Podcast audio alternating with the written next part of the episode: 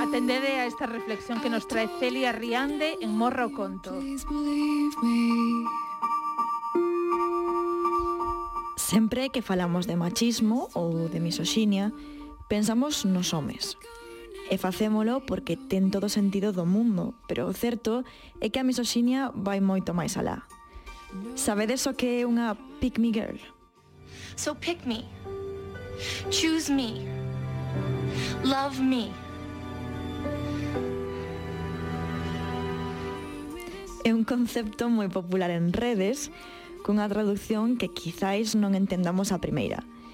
Pick me significa escólleme a min, e que as pick me girls se refire ás mulleres con pensamentos e comportamentos misóxinos interiorizados, que levan por bandeira iso de que elas non son como o resto das mulleres, e dai ven o nome.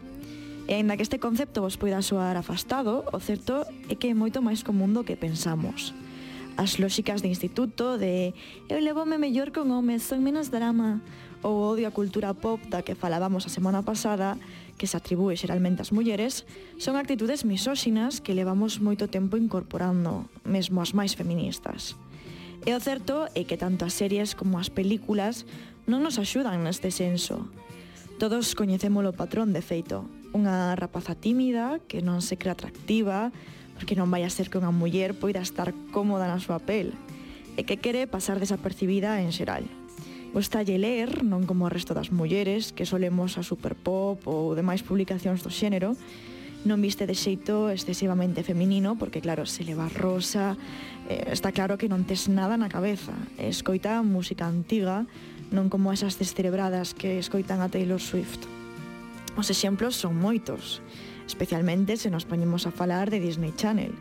Gabriela en High School Musical, Michi en Camp Rock, Alex Russo nos Magos de Waverly Place ou Maeve en Sex Education unha lista interminable de nomes nos que para min sempre predominará Bella Swan, a protagonista de Crepúsculo, que como deixa claro en todas as películas, non é como o resto das tías, as que, por certo, trata fatal, aínda que recibisen cos brazos abertos. Ah, a Port Ángeles?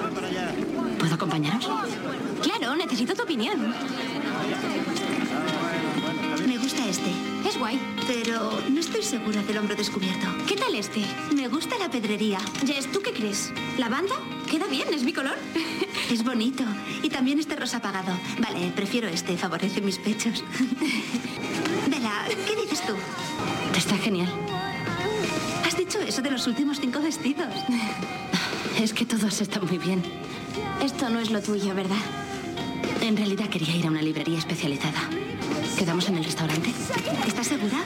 Sí, sí, hasta ahora. Vale, vale. Faime fervelo esta escena porque Ainda por riba que leva dende que se coñeceron pasando descaradamente das súas supostas amigas acompañas a buscar un vestido para o baile de fin de curso e non pode nin esforzarse dous segundos porque claro, ela ten que ir a unha librería especializada non vai a ser que se prove un vestido e pase un borrato como esas mozas tan básicas que por certo a personaxe de Jessica quizáis sexa a máis maltratada desta saga que non fai absolutamente nada malo e quizáis sexa das persoas máis normais da película e de todos os xeitos tratase como unha tía parvísima polo simple feito de que lle gustan as cousas que lle doitan gustar a unha rapaza de 17 anos. En este caso son 17, pero hai unha personaxe en Girls, porque non haberá semana que eu non fale de Girls, que entra completamente no concepto de Pick Me Girl esta personaxe é Yesa. Por que?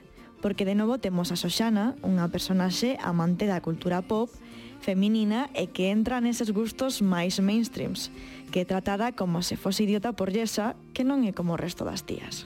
Who are the Quen son exactamente as mulleres? Odio, non somos as mulleres. Eu non son as mulleres. Sí, sí es. Non, non son as mulleres. Sí, esas mulleres.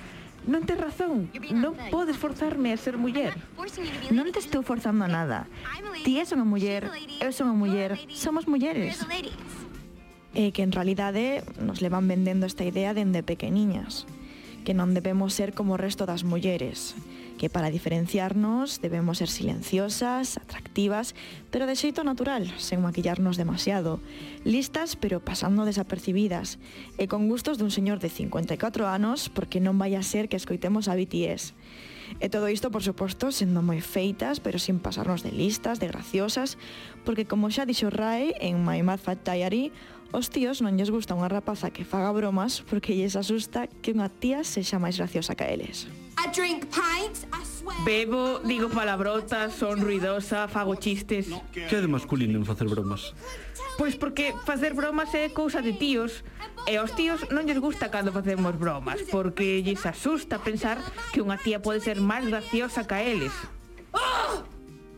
Isto é algo que levo vendo dende a música que escoitaba de pequena, con Demi Lovato e as súas Converse con vestidos en La La Land e o feito revolucionario de que non se alimentase de ensaladas.